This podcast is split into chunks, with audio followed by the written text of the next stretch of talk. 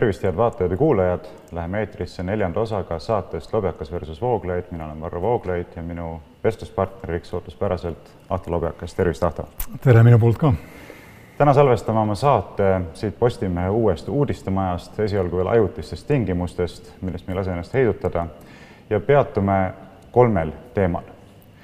Neist teemadest esimeseks on rändekriis, mis on lahvatanud Kreeka ja Türgi piiril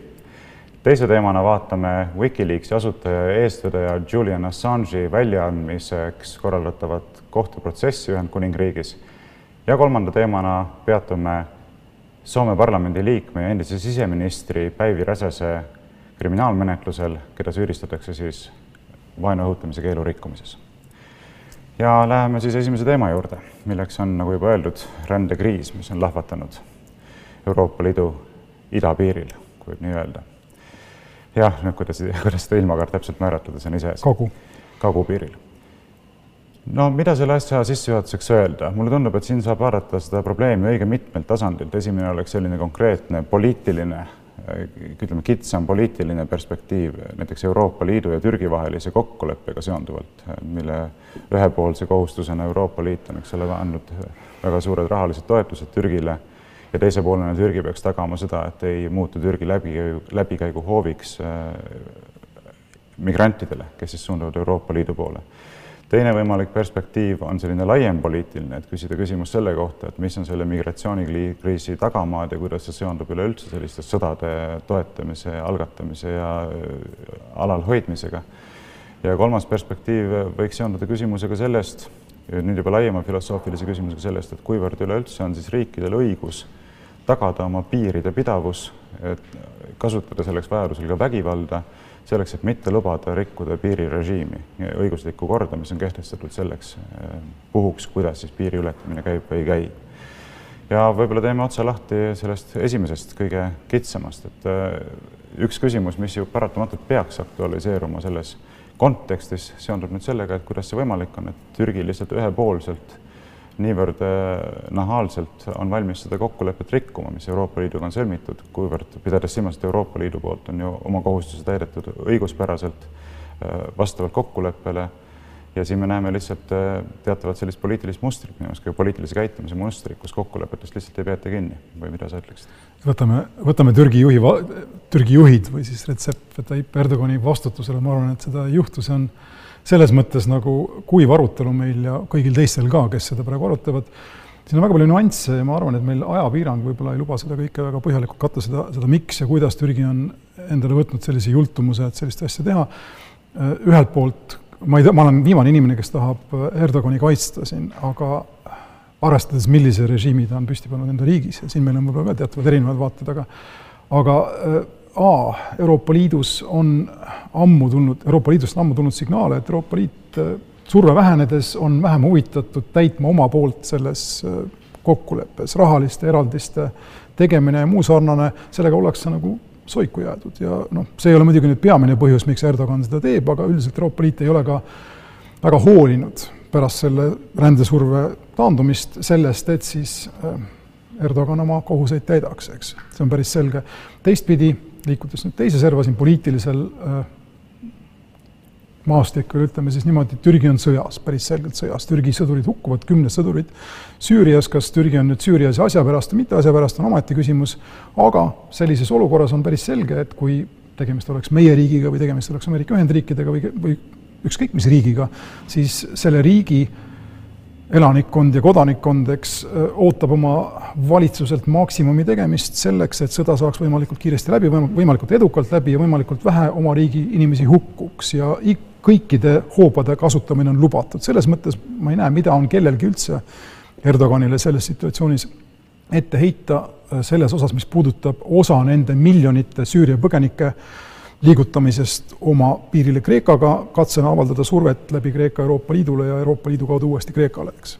no,. ja, ja Venemaale loomulikult. mis on ju ilmselgelt vastuvõetama, vastuvõetamatu on, ütleme, migratsiooni kasutamine sellise poliitilise relvana sisuliselt, et äh, küsimus ei ole enam selles, et on mingisugune tohutu hulk inimesi, kes on olnud sellel piiri peal ja kes üritavad seda üle minna, vaid omalt poolt soodustatakse seda, kui juba Türgi, eks ole, korrakaitsejõud soodustavad sellist protsessi, mille kaudu siis saata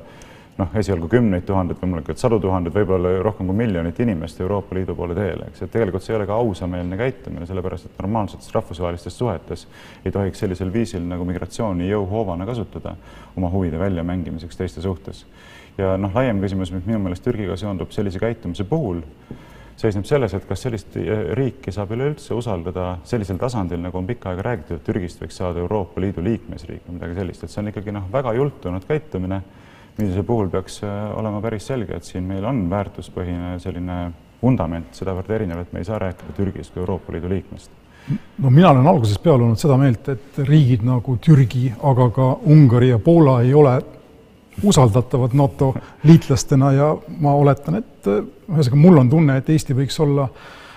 oma suhtumises ka printsipiaalsem ja mitte väga karta alati sellepärast, et kui ühe NATO liikme vastu nii-öelda kriitikat tehakse, siis see NATO liige pärast paneks veto meie abistamisele, mis on tegelikult see kalkulatsioon, mis jookseb ju meie juhtide peadest läbi ja ma ei ole päris kindel, kas ma nüüd sinust õigesti aru saan, aga sina Kreekat ja ütleme, Poolat ja Ungarit ilmselt alla vett ei laseks, aga Türgi oled nõus laskma? no ma tegelikult seda ühist nimetajat üldse eriti ei näe, et ma ei tea okay., kust sa selle leidsid. no ütleme, teatavad autoritaarsed kalduvused nende riikide juhtkondades, aga mida ma tahan öelda, on see, et jällegi üldises plaanis äh, maailmas väljaspool Euroopa Liitu ei ole sellist asja nagu Dublini regulatsioon, mis Euroopa Liidus lühidalt öeldes sätestab selle, et põgenikud või migrandid, nagu kellelegi meeldib öelda, tuleb nii-öelda noh, üle vaadata, protsesseerida ja legaliseerida ühte või teistpidi või siis välja saata selles riigis, kuhu nad saabuvad. kui nad lähevad kusagile edasi, siis selle regulatsiooni kohaselt tuleb nad sealt tagasi tuua ja noh, kujutage nüüd ette selle surve suunalisust, eks selge on see, et kõik, kes on Vahemere ääres, kõik need riigid, Äh, satuvad surve alla ja selles mõttes, kui Euroopa Liidus on olemas mingi regulatsioon, mis vähemalt teoreetiliselt lubaks nagu äh, ühesõnaga sunniks inimesed tagasi saatma, siis Türgi peab, ma, ma arvan, õigusega vilistab selle peale, sest et mis on Türgi nagu otsene vastutus selle sõja eest Süürias. see, selle, selle sõja taga on äh, suuremaid jõud, USA ja Venemaa ja kui Türgisse tuleb miljoneid inimesi põgenikena, siis ma arvan, et Türgil on õigus loota solidaarsusele ja mitte ainult rahalisele solidaarsusele, mis on tänapäeval äh, kaugelt liiga lihtne viis lihtsalt vastutus kusagile mujale lükata. ja ütleme, on küll lootust õiguspärane ootus solidaarsusele, aga minu jaoks seondub siin sellega kaks sellist väga tõsist põhimõttelist küsimust ja tegelikult rohkem ma tõstataksin siinkohal kaks et esimene küsimus seondub sellega, et eh, miks need põgenikud üleüldse Türgist tulevad.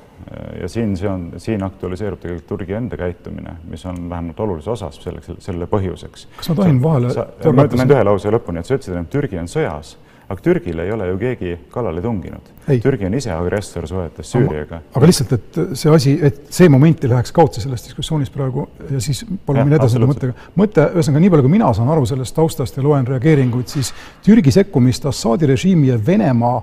poolse ofensiivi vastu, mille ohvriks või mis ajas liikuma seal miljon inimest ja võib-olla isegi rohkem, eks. Türgi sekkus selle ofensiivi vastu, ehk siis sisuliselt nende inimeste poolel, kes olid aetud liikuma. ja ükskõik, mis on Türgi enda huvid või motivatsioon või mis iganes, antud juhul ta oli nii-öelda õiguse poolel sellega ei vaidle eriti keegi. no samal ajal väidetakse ju väga teravalt vastu ja ma arvan, et sa ei vaidle ka sellega, et Türgi on juba aastaid toetanud neid jõudusid, mis on tegutsenud Assaadi kukutamise nimel. et nüüd see viimasel ajal on lihtsalt see sekkumine muutunud selliseks vahetuks ja oma relvajõudude kasutamise näol laiemalt ilmsiks saanud.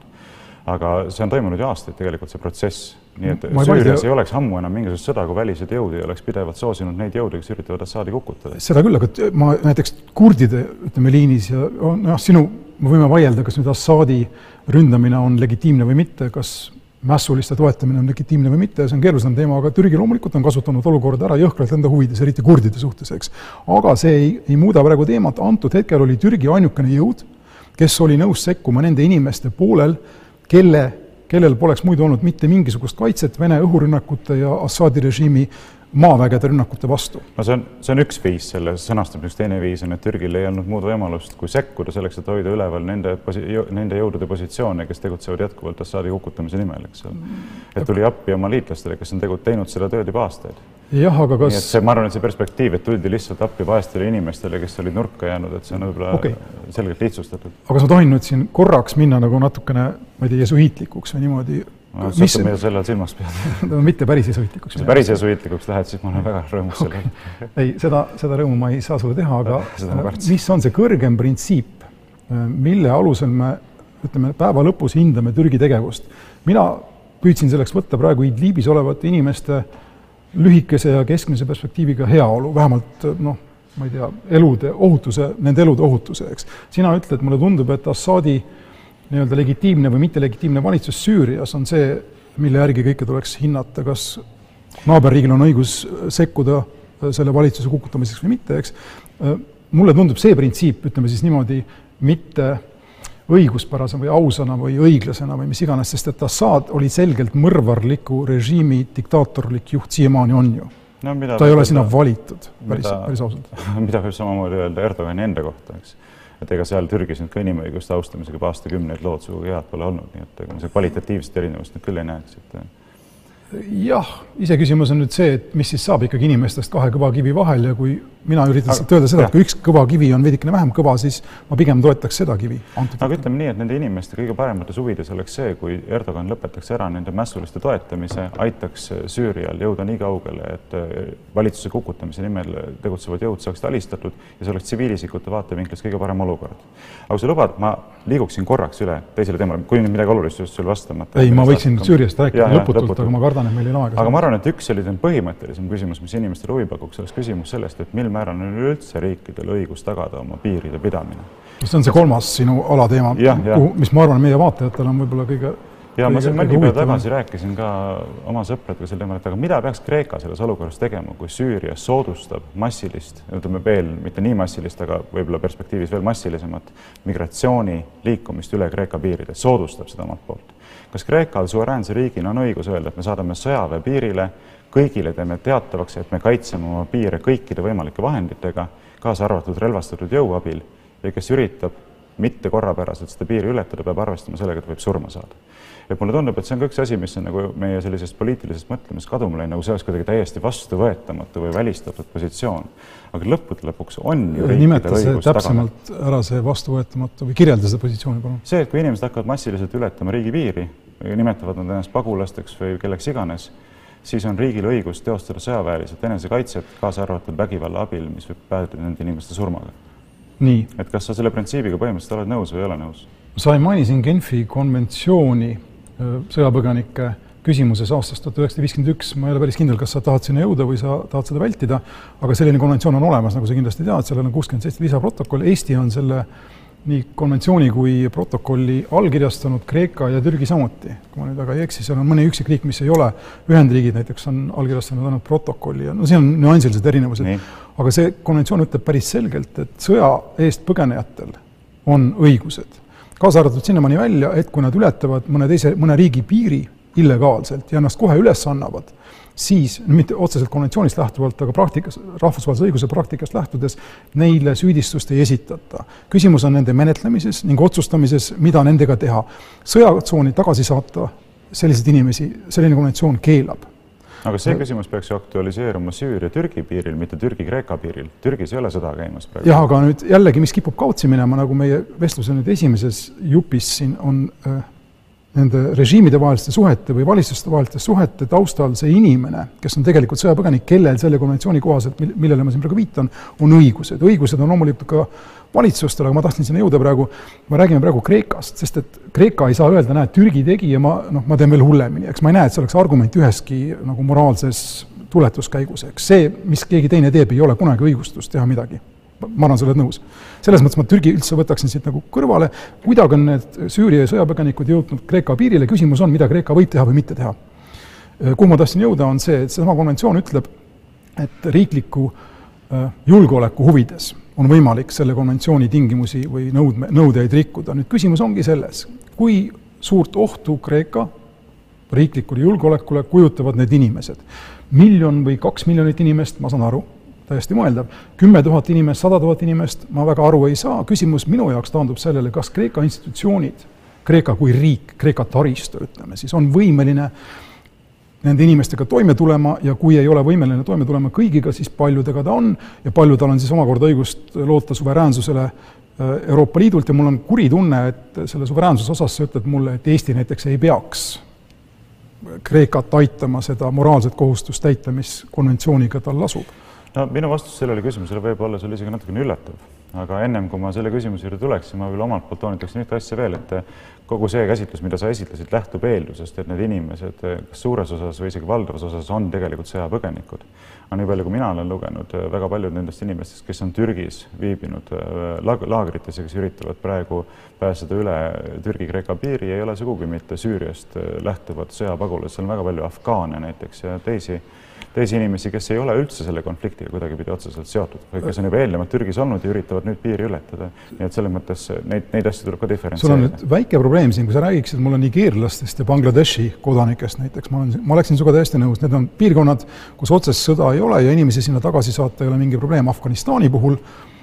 ma ei, ma ei, ma ei ütleks, et selles riigis üldse on olnud periood viimase paarikümne aasta jooksul, kus, jah, kus sõda poleks olnud, eks sa võid rääkida võib-olla põhjaaladest ja keskaladest teatud mõttes, kus inimesed tulevad rahuoludest ära, aga see vaidlus on ausalt öeldes käinud Rootsis ja Saksamaal ja nii edasi, et näiteks afgaanid ei ole siin väga hea näide, seal on kindlasti kolmandate rahv-, riikide no, ma teen lihtsalt ühe näite, aga mida ma tahtsin öelda, et tegemist ei ole vahetult Idlibi provintsis ütleme selliseks suureks konfliktiks päädinud sõja eest põgenevate inimestega. mida sa oleksid, sa ütlesid, et sul oli üllatav äh, vastus mu mõttele, et sa võib-olla ei tahaks, et Eesti aitaks Kreekal jagada seda just, koormust. ja, ja see on minu meelest kõige tugevam argument äh, selle suhtes, et Eesti peaks ka olema valmis võtma vastu äh, sõja eest põgenevaid inimesi, kui Eesti ise osaleb pidevalt nendes rahvusvahelistes koalitsioonides ühesõnaga noh, kui seda saab üldse nii nimetada, mulle need väljendid tegelikult ei meeldi, sest nagu petlikud. ütleme, kui toetab USA äh, agressioonisõdasid Lähis-Idas, kui, kui Eesti osales näiteks äh, ja toetas ja osales äh, Iraagi vastast agressiooni, põhjustades sellega hiiglasliku humanitaarse katastroofi. teatavasti Iraagi sõja tulemusel on surma saanud rohkem kui miljon inimest. ma ei tea, kui paljud inimesed on kaotanud kodu, kui paljud on läinud liikvele, eks ole kusjuures me teame, et tegemist oli ka rahvusvahelise õiguse vastase operatsiooniga väga selgelt, siis tekib väga tõsine küsimus ja sellele peavad ka minu meelest rahvuslikult meelestatud jõud silma vaatama, et kui me toetame selliseid agressiooniakte, mis päädivad suurte humanitaarsete katastroofidega, siis tegelikult täiesti põhjendatult aktualiseerub ka küsimus sellest, et kes kannab vastutust nende tagajärgede eest, eks ole. inimesed reaalselt põgenevad ja ongi reaalselt põgenikud, eks ole, siin ei saa rääkida, et lihtsalt otsivad paremat elu kuskil, eks ja, ja nüüd, nüüd sellele küsimusele peaks ka tegelikult rahvuslased ja konservatiivid väga tõsiselt vastama, et kui jätkuvalt, süstemaatiliselt, pidevalt, tingimusteta põhimõtteliselt toetame neid Lähis-Idas üht sõda teise järel, siis me ei saa nagu raiuda nagu rauda, eks ole, et me mitte mingisugust vastutust sellega seonduvalt võtta ei kavatse. sa lähed natukene kõrvale sellest teemast, mille ma oleksin kohe üles võtnud, ehk siis see vastutuse teema on väga oluline, aga ma oleksin enda aja, kulutangi praegu paar minutit või minuti või poolteist nüüd ühele või kahele teisele aspektile. esiteks ma oleksin siin muidugi odav, suhteliselt odavalt mingil hetkel äh, püüdnud üllatada selle no mingisuguse umbmäärase piiblitsitaadiga Jeesusest, kes ütleme, nendest näidetest piiblites, piiblist, kus inimene annab ära enda mantli, et, et katta kedagi, kellel on suurem vajadus, eks tegelikult ma oleksin noh, tahtnudki viidata nagu usule, nii palju, kui see on siin praegu teema, kris-, kristlik mentaliteet nõuab hädalise aitamist, sõltumata sellest, mil-, praktiliselt sõltumata sellest, kas sul on see võimalus või ei ole või mis sa ise arvad, eks. No see selleks, ma ei... ma vastan sulle repliigi, kui sa tahad, vaata, see on väga oluline, et tegelikult ka pühakirjas kasutatakse sõna, et on kohustus aidata ligimest. ja see sõna on väga hea, sellepärast et see ütleb, et meie moraalsed kohustused on ennekõike nende suhtes, kes on meile kõige ligemal, kõige lähemal, eks. Et hästi lihtne on päästa maailma, aga mitte päästa inimest enda kõrval, eks. siin ma vaidleksin sinuga, ma olen kindel, et uh, usu vaatepunktist, teoloogia vaatepunktist ei ole vahet, kas uh, tegemist on sul veresugulase lihtsalt tuttavaga, kaasmaalasega või näiteks kellegagi kusagilt Rwandast. inimene, inimesed on nad kõik. mul on ennekõike kohustused oma laste suhtes, mitte kõigi maailma okay. laste suhtes. ma olen nüüd, ma olen väga libedal jääl praegu siin, aga see oli lihtsalt okay, üks see, mõte, mis mul tekkis, aga kuhu ma oleksin tahtnud, kuhu ma tahan korraks välja jõuda, on seesama, selle jutu algus meil, mida Kreeka saab teha ja ei saa teha. paneme Eesti Kreeka positsiooni, eks, ja mõtleme, mida meie teeksime ja ei teeks. ma arvan, et me käituksime Kreekaga sarnaselt tänase valitsusega ja tänase avaliku arvamuse meelestatusega paneksime piirid kinni ja hoiaksime need inimesed väljaspool ja mis iganes, aga Eesti väikese riigina on äärmiselt sõltuv sellest, et rahvusvaheline õigus kehtiks, et ta toimiks, sest et see on meie suveräänsuse aluseks. kui rahvusvahelist õigust ei ole, ei ole ka mingit alust ega mõtet meie suveräänsust austada muuhulgas, nii et mulle tundub pika perspektiivina, kui Eestis on inimesi, kes tahavad, et see riik kehtiks, siis rahvusvahelise õiguse sätete väga ütleme, pedantne jälgimine või järgimine on äärmiselt oluline selleks, et meil oleks moraalne positsioon, millelt nõuda teistelt pärast abi ja ühtlasi ka see noh, nii-öelda väike panus anda, et rahvusvaheline õigus püsiks. absoluutselt nõus sinuga ja võib-olla ma mainin lihtsalt ühte asja, et mind pani näiteks imestama siin veebruari lõpus, kui äh, välisminister Reinsalu tegi avalduse, et Eesti toetab NATO liitlast Türgit ja avaldab kaastunnet hukkunute lähedastele, kui Süüria raketirünnaku tulemusel siis äh, sai vist surma seal kolmkümmend Türgi sõdurit, kes paiknesid, eks ole, Süüria territooriumil. see ei olnud mitte isegi Vene, lausa Vene õhuväerünnak või? seda ma ei oska kommenteerida. aga nüüd küsimus on, eks ole, et me antud juhul me jällegi, me tahame minna nüüd laiemasse poliitilisse vaidlusesse, aga põhimõtteliselt me ikkagi peame tunnistama, et me räägime Türgi sõjaväejõududest, kes paiknevad Süüria territooriumil ilma mingisuguse rahvusvahelise õigusliku aluseta tegelikult. ja Süüria teostab selles episoodis enesekaitset. nii et kui me ei pea kinni rahvusvahelise õiguse põhimõtetest, näiteks sellistes olukordades, me tegelikult lihtsalt toetame Türgit sellepärast, et Türgi on NATO liige, eks ole kuigi tegelikult Türgi ise rikub rahvusvahelist õigust, no siis me kaotame ka tegelikult moraalse õiguse nõuded meie suhtes, austatakse rahvusvahelist õigust ja ma arvan, et siin meil on ühisosa täiesti selgelt olemas. jah, ma ei lähekski kaugemale, kui lihtsalt nendiks sedasama, sellesama mündi teist poolt, mida ma üritasin kirjeldada, ehk siis suveräänsuse kaitsmine on oluline, aga kui me seda teeme valimatult, siis ilmselgelt me seame löögi alla sellesama rahvusvahelise õiguse, mis seab suveräänsusele piirid siin, seal ja kolmandas kohas. humanitaarsed kaalutlused on Näiteks. kindlasti olulised. aga võtame sellega esimese teema kokku ja läheme teise teema juurde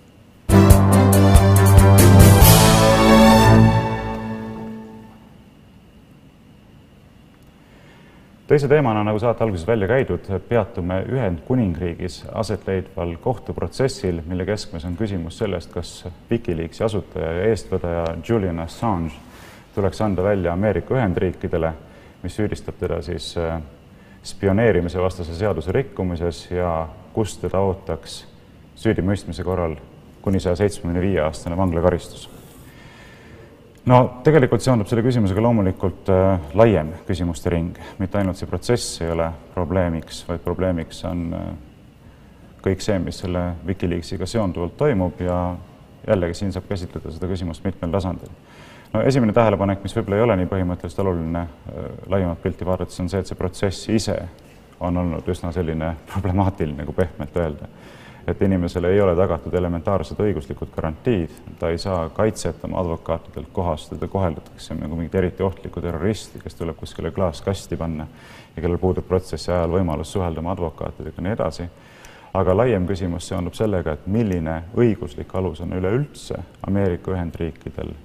Julian Assange'i üle kohut pidada, pidades silmas, et tegemist ei ole Ameerika Ühendriikide kodanikuga, vaid Austraalia kodanikuga ja pidades silmas seda asjaolu, et ei ole Ameerika Ühendriikide territooriumil ega Ameerika Ühendriikide kodanike suhtes mingisugust kuritegu toime pannud. nii et, äh, et siin on sellised juriidilis-tehnilised küsimused, muuhulgas seonduvalt ka sellega, et tegelikult äh, USA ja Ühendkuningriigi vahelise väljaandmislepingu kohaselt üldse poliitilisi, nii-öelda poliitilisi kurjategijaid või neid, keda noh, keda süüdistatakse poliitilistel kaalutlustel, ei tohiks välja anda, aga kindlasti on ka laiem küsimus sellest, et kuidas hinnata ajakirjandusvabaduse tagatust sellises olukorras, kus inimesi tahetakse eluks ajaks vangi panna selle eest, et nad sisuliselt paljastavad riiklikke kuritegusid. siin on nüüd väga palju erinevaid kihte ja, ja mul Aga korraks läks võimalik, ma ei ole päris kindel. tähendab, äh,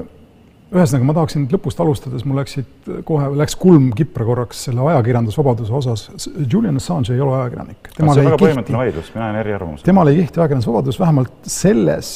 vormis, millena ajakirjanikud ise seda praegu mõistavad ja see on ka tegelikult üsna vähe reguleeritud ala, aga üldiselt ajakirjandus kaitseb ennast ise, kuna asetudes ülejäänud, ütleme, asend, asetudes võimu vastu, ta ei lase ennast võimul defineerida ja kõik katsed võimu poolt siis defineerida või nimetada inimesi ajakirjanikeks või mitteajakirjanikeks üldiselt äh, lükatakse tagasi ja ma pean seda väga tähtsaks äh, nagu printsiibiks ja mina loodaksin ajakirjanduse eneseregulatsioonile ja minu teada Assange ei ole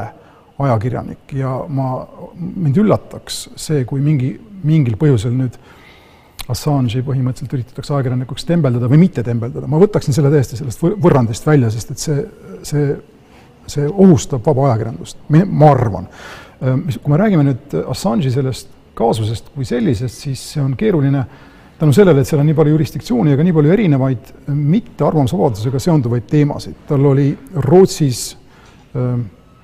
vägistamissüüdistus, mille eest ta põgenes või mille eest, mille, mille, millest ta hoidus Suurbritannias. ta rikkus Suurbritannias ähm, mis on bail eesti keeles, ta sai vabaduse mingi kautsjoni reegleid, eks selle eest, kas ta on nüüd ära istunud enne viiskümmend nädalat või ei ole, ma ei tea, see oli esimene, mille pärast ta sealt Ecuadori, esi, esimene põhjus, miks ta nii-öelda kinni pandi pärast Ecuadori saatkonnast äratulemist, omakorda Ecuadoriga oli tal seal tegemisi selliseid ja kolmandaid. Ja ausalt öeldes minu isiklik arvamus on Assange'i osas selline, et tegemist on inimesega, kes ähm, annab sellele iseenesest õigele impulsile, mida ta kaitseb, info ja kõik need muud vabadused, eks ta annab sellele nii-öelda halva nime. ta rikub seda võitlust ja teeb seda, ta on seda teinud suhteliselt, ma ütleksin, egoistlikest kaalutlustest lähtudest, tihti meenutades vähemalt mulle peaaegu mingisugust nagu kultuse äh, juhti, kes kasutab ära selle teema tundlikkust, omaenese karismaatilisi võimeid, et selle pealt üles ehitada mingisugune äh, ma ei tea, mitteriiklik autoriteedi ja võimupositsioon, millele tal muidu ei oleks õigust pretendeerida, ma, ma vastandaks või võrdleks temaga inimesi nagu Edward Snowden ja äh, seesama Ameerika Ühendriikide sõjaväelane, kes vahetas Manning, Manning., need inimesed äh, on minu, minu jaoks auväärsed inimesed ja printsiibikaitsel äh, sada protsenti õiges kohas, kuna nad riskisid oma staatusega, riskisid oma eluga nende, selle riigi kodanikena kelle osas nad siis neid paljastusi tegid Ameerika Ühendriikide suhtes, Manning läks vanglasse, Snowden pidi põgenema. Assange on Austraalia kodanik, Ecuadori kodanik oli ka lühidalt, ja ta ei riski mitte millegagi. ta kõik, ta kasutab seda pigem kõike isikliku PR-i tegemiseks, vabandust. no aga kuidas sa saad niimoodi öelda, et ei riski mitte millegagi, ta on just seitse aastat istunud kinni Ecuadori saatkonnas, kaotanud seitse aastat oma elus, me oleme praegu neljakümne neljakümne üheksa aastane, neljakümne kahe aastaselt läks ta sinna Ecuadori saatkonna sisse. aga ta ei läinud sinna kinni, sa jällegi no,, juristina sa peaksid teadma, ta oli vaba mees sellel, sellel tükikesel Ecuadori territooriumil. ühes toas ja ma võin ka öelda, et sa oled vaba mees oma toas, aga välja ei tohi tulla siit, eks ole, et aga see ei ole mingi vabadus. kes teda sundis sinna minema?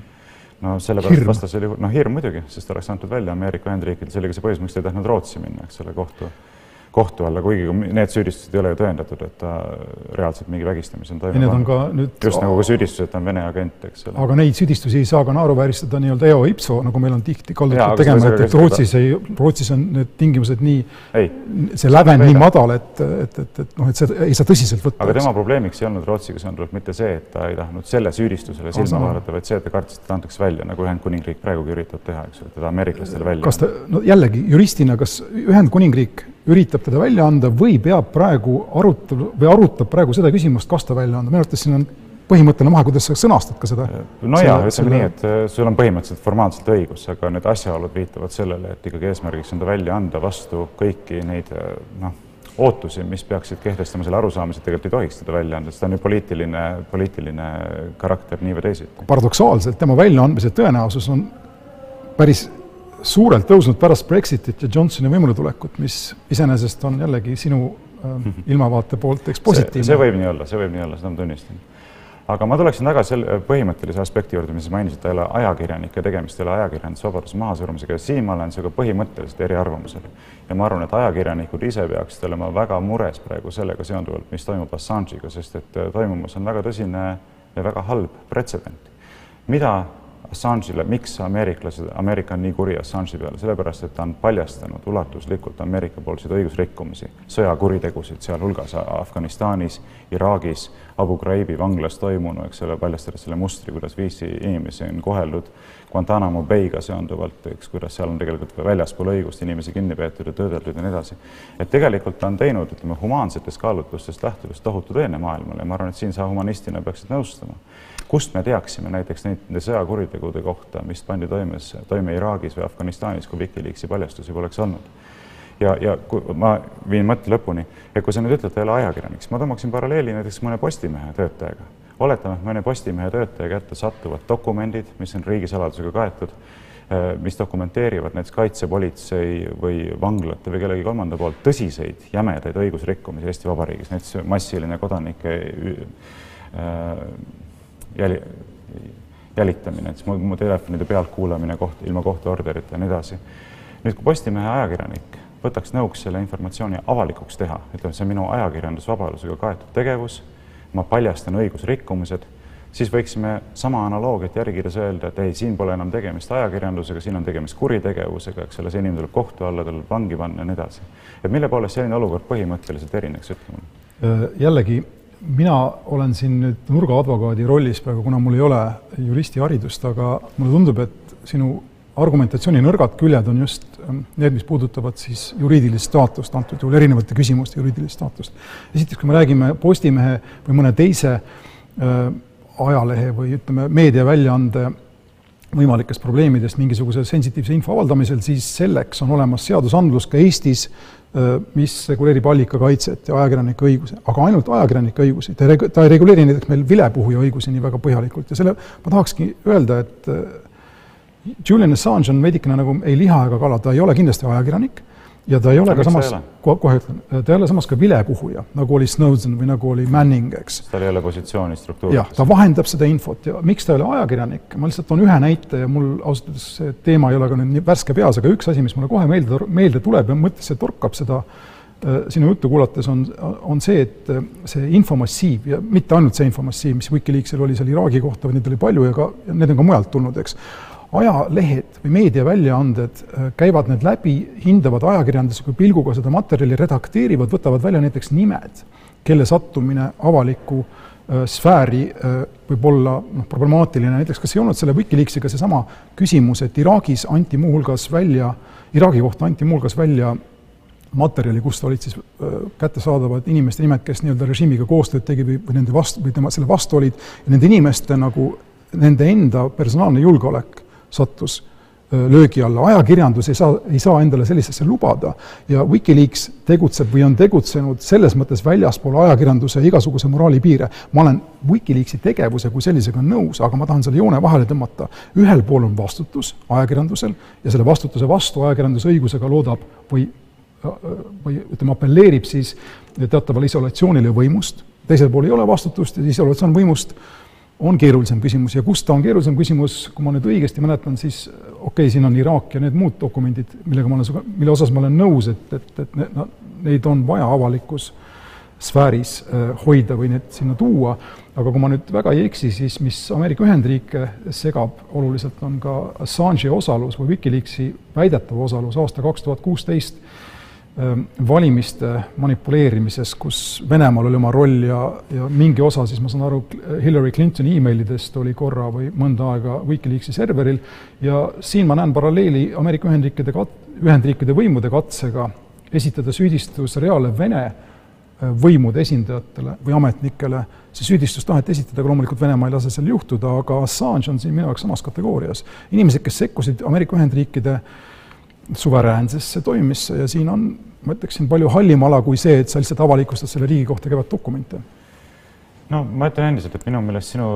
põhjendus praegu ei ole veenev selleks, et miks me ei või teda ajakirjanikuna käsitleda, et põhimõtteliselt ajakirjanik ei ole ka mingisugune esoteeriline selline kategooria ja ta on enes- ennastmäärav. eneseregulatsioonil baseerub, no see on nagu Vilja Kiisler ütleb mulle, et mina ei tule objektiivi sinuga vestlusesse, sina pole ajakirjanik, eks ole, noh. Aga siis sa võiksid minna- siis sa võiksid minna pressi- ütlema, et mina olen või ei ole, eks aga täpselt, aga siis sa läheksid pressinõukokku ja Vilja Kiisleri nii-öelda mis on eesti keeles peer, ehk siis temaga sarnases või samas staatuses olevad inimesed otsustavad, kas ta käitus või ei käitunud. ei no Ja- see on äh, lihtsalt näidis, aga põhimõtteliselt see näide, ma ei saa. Vilja Kiisler on väga hea ajakirjanik, muuseas. muuseas. jään lugupidavalt eriarvamusele, aga see selleks, las ta, räägime temaga otse. Aga, aga põhimõtteliselt ma ei ole selle printsiibiga nõus, sest et, et tegemist on inimesega, kes praktiseerib ajakirjandusvabadust lihtsalt teises vormis, kui seda teevad suured väljaanded, aga see ei tee temast mitte kuidagi vähem ajakirjanik, ma ütleks, et ta on paljudes mõtetes isegi palju rohkem ajakirjanik, kui on seda paljud konventsionaalsed ajakirjanikud. sellepärast, et tema võtab tohutud riskid, tehes ühiskonnale suure teene valguskandva informatsiooni paljastamise kaudu. aga Varro, kui mina üritaksin praktiseerida näiteks arstivabadust, arstiks olemise vabadust ilma meditsiinilise diplomita, siis rakenduksid seaduslikud meetmed selle tõkestamiseks. kui ma üritaksin ilma juriidilist diplomit või kvalifikatsiooni omamata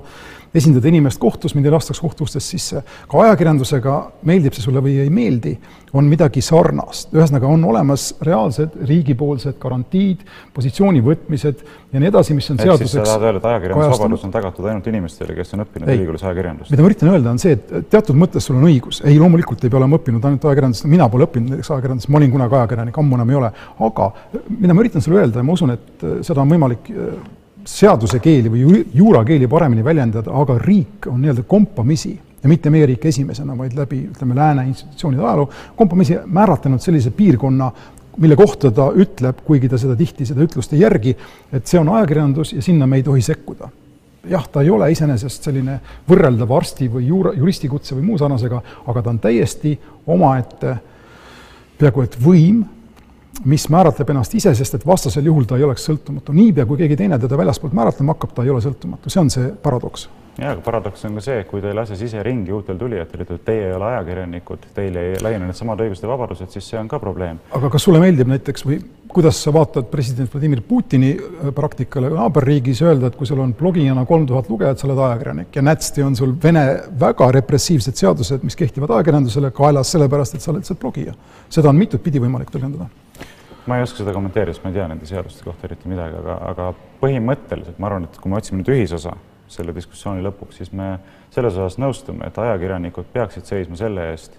et äh, neid inimesi, kes avalikustavad riigivõimu poolseid ränkasid õigusrikkumisi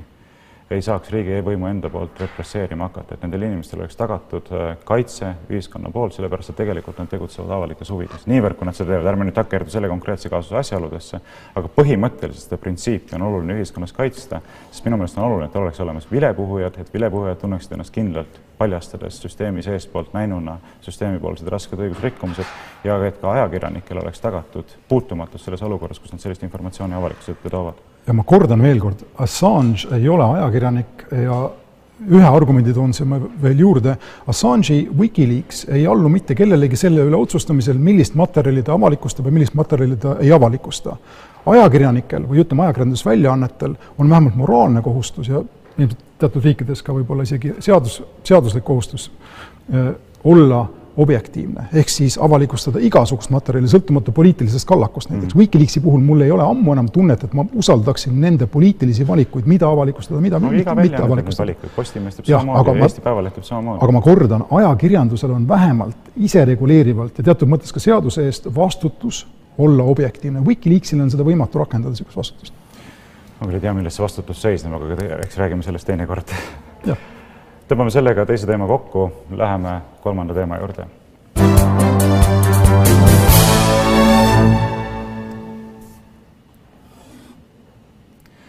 kolmandaks teemaks, nagu sai saate alguses mainitud,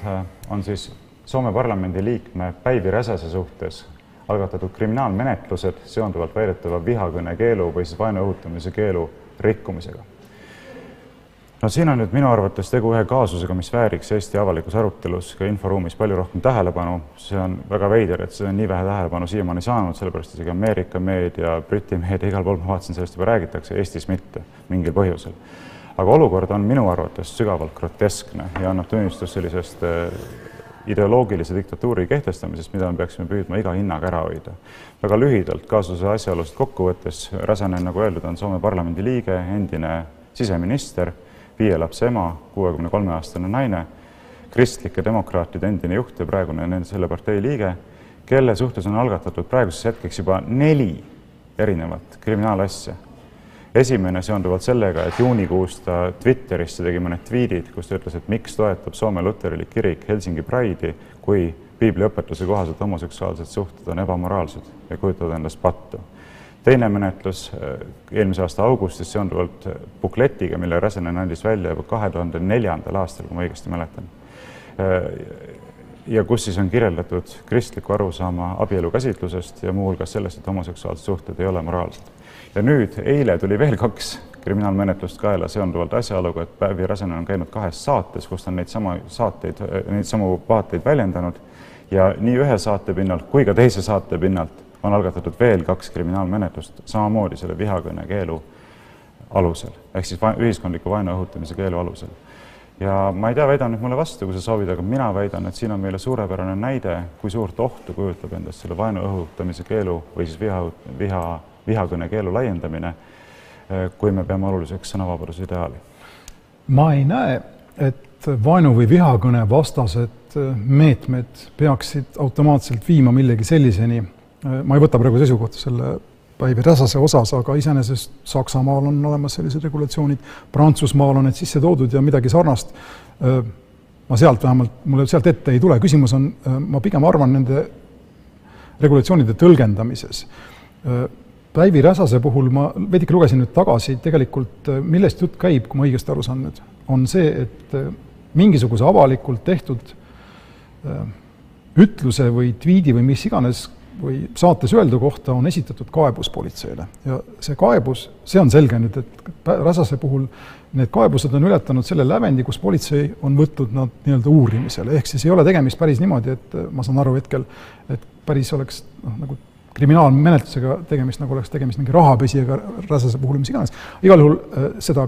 kaebust menetletakse ja noh, siin argument, siin küsimus on aeg-ajalt, et kas politsei äh, peaks siis hakkama selliseid asju menetlema, kui keegi võtab lihtsalt vabaks, võtab nii-öelda vaevaks kaevata. Ja neid inimesi on rohkem olnud, on üks äh, araabia nimega Soome, Soome inimene Altae, kelle, kelle üle kaevati siin möödunud aastal ma lugesin mingite varasemate kirjutuste osas, mille eest on ammu vabandust palunud ja need nii-öelda noh, palunud unustada, et seal ta rääkis juutidest midagi ja ta rääkis geidest midagi. see kaebus lõpuks äh, lõpetati. samamoodi on üks Mäenpää, kes ja. on öelnud halbu asju sissetulijad, sisserändajate ja moslemite kohta, tema suhtes see, äh, see kasutas vist väljendit, et tegemist on äh, võõrliigiga jah, täpselt, et ei sobi Soome, ei sobi Soome sellised. nii, aga ühesõnaga nende kahe inimese puhul näiteks lõpetati nende kaebuste menetlemine, nüüd Räsase puhul ei ole ka jõutud süüdistuse esitamiseni ja võib-olla ei jõutagi. kui jõutaks süüdistuse esitamiseni, ma arvan, meil oleks tõsisem keskustelu siin. aga ma oletan mida mina tahan öelda siin, äh, tahtmata siin kuidagi sekkuda Soome kui suveräänse riigi siseasjadesse, mulle tundub, et ka sinu tendents muudes äh, siin, muudes küsimustes on jätta riigid rahule, eks, selle osas, mida nad otsustavad enda sees teha, kui nad on, kui tegemist on legitiimsete valitsustega ja nii edasi, Soomes on valitud mina võim. ei saa Soome siseasjadesse juba definitsioonist tulenevalt sekkuda, sest ma ei ole riigivõimu esindaja. jah, aga ütleme niimoodi, et Assaadi sa kritiseerid vähem kui Soome võime praegu, aga mida ma siis öelda tahan, on see, et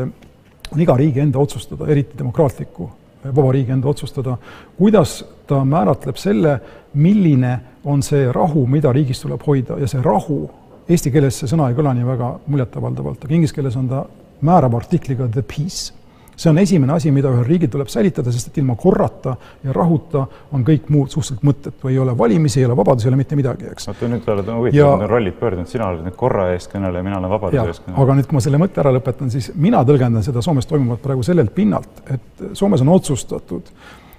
võtta maha tolerantsi eh, erinevate grupeeringute või ma ei tea, vähemuste omavahel kasutatava eh, terminoloogia ja sõnakasutuse osas ehk siis sa võid küll öelda, et piiblis on midagi kirjas, aga ma olen kindel näiteks, et sulle ei meeldiks, kui